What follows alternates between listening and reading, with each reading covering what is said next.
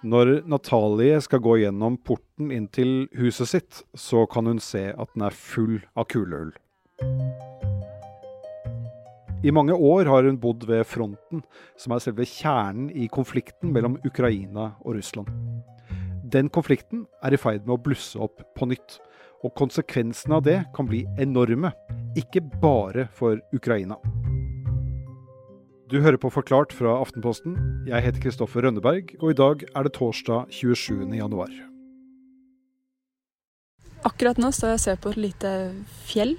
Det er en utkikkspost for, eh, for ukrainske soldater.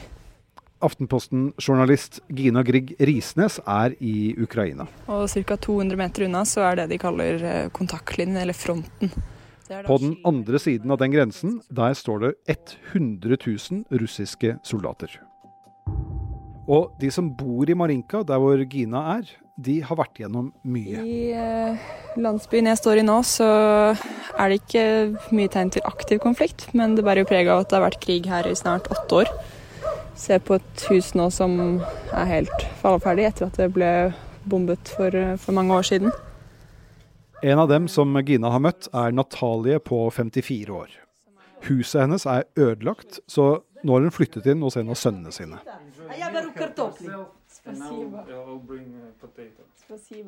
Og i 2015, da det var kamper i dette området, da ble Natalie skutt i hofta.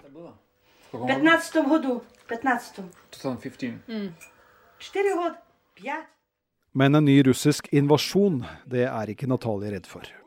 I hvert fall var det det hun sa da Gina spurte henne. Da lo hun godt. Mente at det, det kom neppe til å skje. Og hvis det skjer igjen, så er de såpass vant til det nå, etter å ha bodd i nesten åtte år i en konfliktsone.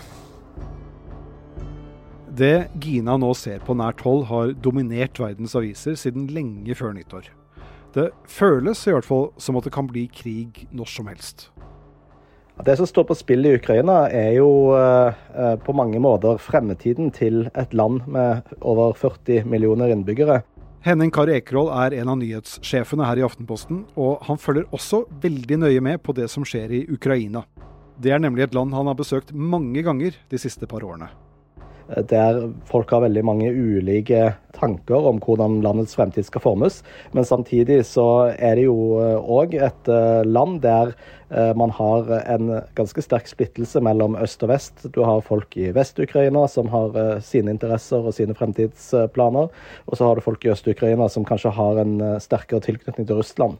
Og oppi dette så må man jo da prøve å finne ut hva som er den beste mulige løsningen for at Ukraina skal ha en best mulig fremtid. Vi hører jo så mye om denne konflikten, men hva er det den egentlig handler om?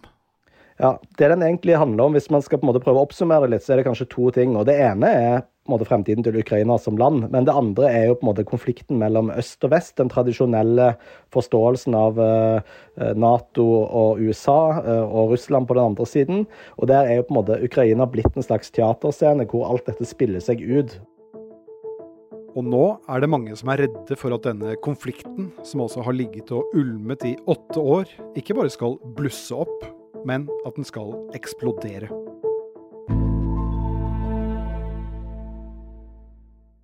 Henning, hvor begynner denne historien om konflikten i Ukraina? Ja, Da må vi litt tilbake igjen til eh, Sovjetunionen. Ukraina var jo en del av Sovjetunionen og er et ganske ungt land. De ble uavhengige fra Sovjetunionen i 1991 og har på en måte i årene som har gått prøvd å forme det som har blitt et litt skjørt demokrati. Eh, der det har vært ulike politiske retninger i løpet av alle disse årene. Og så har dette på en måte da eskalert eh, til man da kom til 2014 og ting ble mye mer dramatisk enn tidligere. Hva, hva skjedde da? Ja, I 2014 så var det uh, store demonstrasjoner i Kiev. Uh, og De starta fordi daværende president uh, hadde planlagt å signere en handelsavtale med EU, men droppa den til fordel for en avtale med Russland. og Det førte til sterke reaksjoner fra mange av de i Ukraina som så for seg en fremtid der de skal orientere seg mer mot eh, Europa. Eh, og det eh, eskalerte da til gatekamper, og voldelige opptøyer, som til slutt førte til at presidenten gikk av i februar 2014. Og etter det så, så har det fortsatt vært betent i området? da? Ja, og det som skjedde i løpet av våren 2014, var at i Øst-Ukraina, som ikke har den samme historiske tilknytningen og orienteringen mot, eh, mot, Europa, eh, så var det mange som ikke kjente seg like sterkt knytta til den eh, proeuropeiske bevegelsen. Og Russland, som har sterke interesser f.eks. på Krimhalvøya, der de har hatt en marinebase. Det bor veldig mange russisktalende i Øst-Ukraina.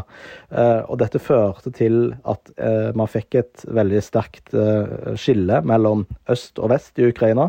Og Russland annekterte da Krimhalvøya med, med alle de to millioner innbyggerne som bor der, og støtta opp, om, støtte opp separatister i Øst-Ukraina som tok frem våpen og, og begynte å, å krige mot de ukrainske regjeringsstyrkene. Men på denne grensen mellom Ukraina og de russisk-kontrollerte områdene, hva er det som skjer akkurat nå, Henning? Det som har skjedd det siste året, er at uh, Russland har sendt uh, veldig mye militære styrker til områder tett opp mot Ukrainas grense. Og mer militære styrker til de områdene som separatistene i øst har kontroll over. Og I tillegg så har de òg mye militære styrker på, på Krimhalvøya, som de altså har annektert. Eh, og dette har jo bidratt til en eh, sterkere frykt for at Russland vil gjennomføre en større militæroperasjon i Ukraina. Men dette handler om mye mer enn noen landområder øst i Ukraina. Det handler om maktforholdet mellom Russland og Nato. 30 år er gått siden Sovjetunionens fall, og i den perioden har store deler av Øst-Europa blitt med i Nato. Men Ukraina er fortsatt ikke medlem, og sånn vil gjerne Russlands president Vladimir Putin at det skal fortsette å være. Altså, Russland har jo et veldig sterkt ønske om at uh, Ukraina ikke skal bli medlem av Nato. Og de har jo òg uh, eh, gjort det veldig tydelig klart at de ikke ønsker at det skal utplasseres vestlige våpen uh, i Ukraina. Og dette må jo ses litt i sammenheng med at det er veldig mange tidligere sovjetland Eh, eller østblokkland som i dag er med i Nato, og som er ganske tett opp mot Russlands grense. og Russland ser på dette som en trussel.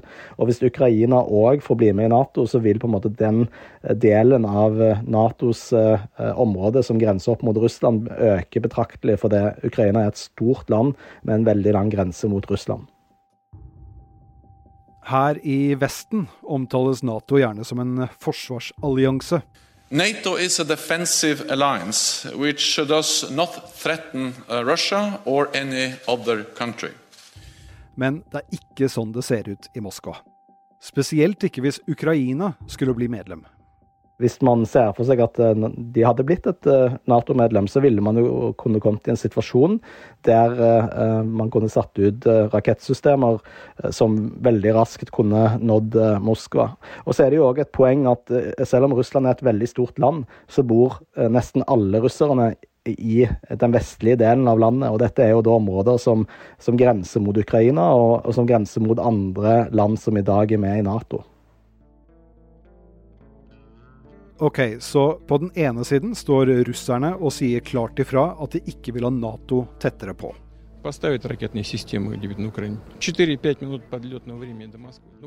på den andre siden der står USA, Nato og Vesten.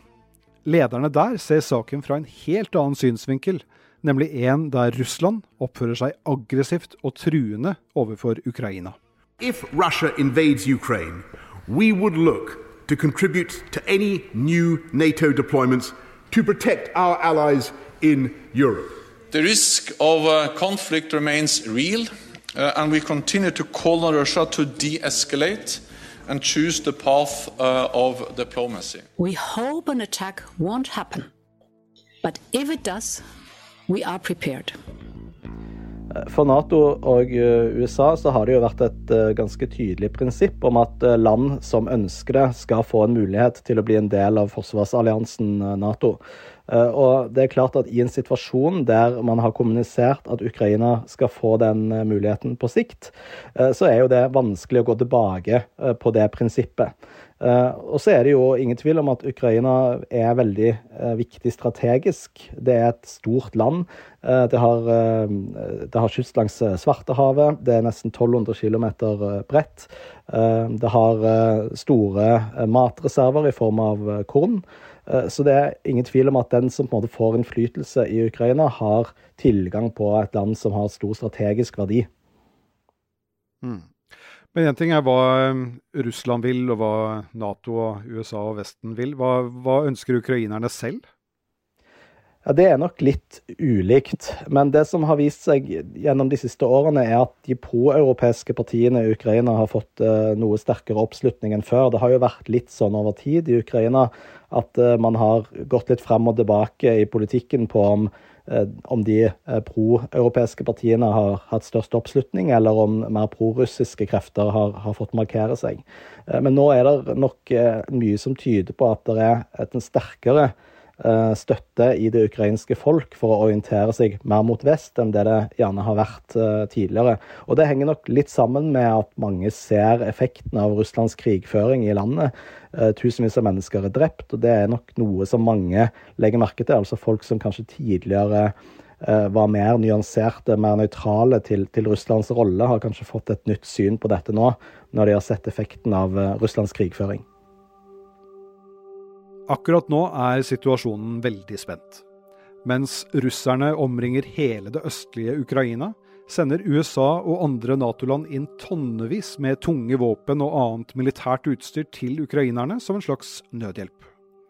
Det er fullt mulig at det kan bryte ut en blodig krig snart. Men hvordan den vil se ut, det er et stort og åpent spørsmål.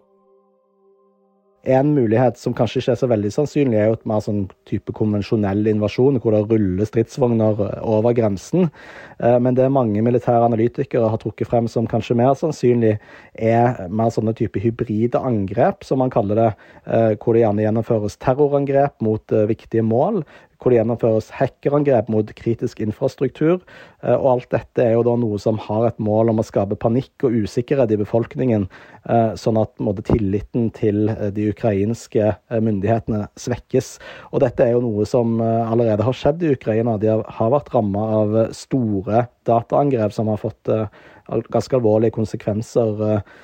Så, så, her er det mange forskjellige scenarioer, men det som på en måte trekkes frem som det mest sannsynlige hvis man ser for seg en militær uh, operasjon, er jo en, uh, et slags, slags hybridangrep, da, hvor man ikke nødvendigvis har en full invasjon, men hvor det gjennomføres flere målrettede angrep rundt omkring. Hvis uh, Ukraina hadde vært del av Nato, så hadde jo Norge og alle de andre Nato-landene vært forpliktet til å gripe inn uh, ved et russisk angrep. Men Ukraina er jo ikke med i Nato, og det er jo litt av kjernen i, i, denne situasjonen her. Hvordan vil Vesten og Nato og USA reagere hvis Russland skulle gå til et betydelig angrep mot Ukraina?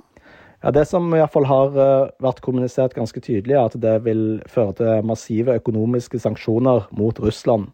Uh, og så har det jo, selv om uh, vestlige land ikke har bidratt med på en måte vanlige militære styrker til Ukraina, så har de levert veldig mye våpen og, og gitt regjeringsstyrkene mulighet til å, å, skaffe seg mye mer militært utstyr enn de hadde tidligere. Så der har jo spesielt Storbritannia allerede bidratt, bidratt mye. Henning, det er jo mange som frykter krig her, men finnes det um, en sannsynlig utgang på denne konflikten som uh, er av fredelig art? Ja, Det beste mulige utfallet er jo at uh, man får en diplomatisk løsning, og at Ukraina kan fortsette å utvikle seg som en selvstendig stat, slik innbyggerne ønsker. Hvor uh, sannsynlig tror du det utfallet er? Nei, Det er kanskje ikke så veldig sannsynlig at Putin etter å ha plassert ut så mye militære styrker rundt Ukraina, vil trekke de tilbake uten at han faktisk føler at han får noe igjen for det.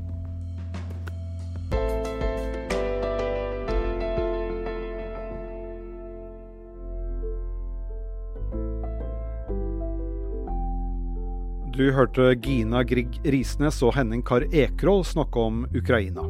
Det er Anders Weberg, Anne Lindholm og jeg, Kristoffer Rønneberg, som har laget denne episoden. Resten av Forklart er Fride Næss Nonstad, David Vekoni og Marte Spurkland. Lyden du har hørt, den kommer fra nyhetsbyrået AP.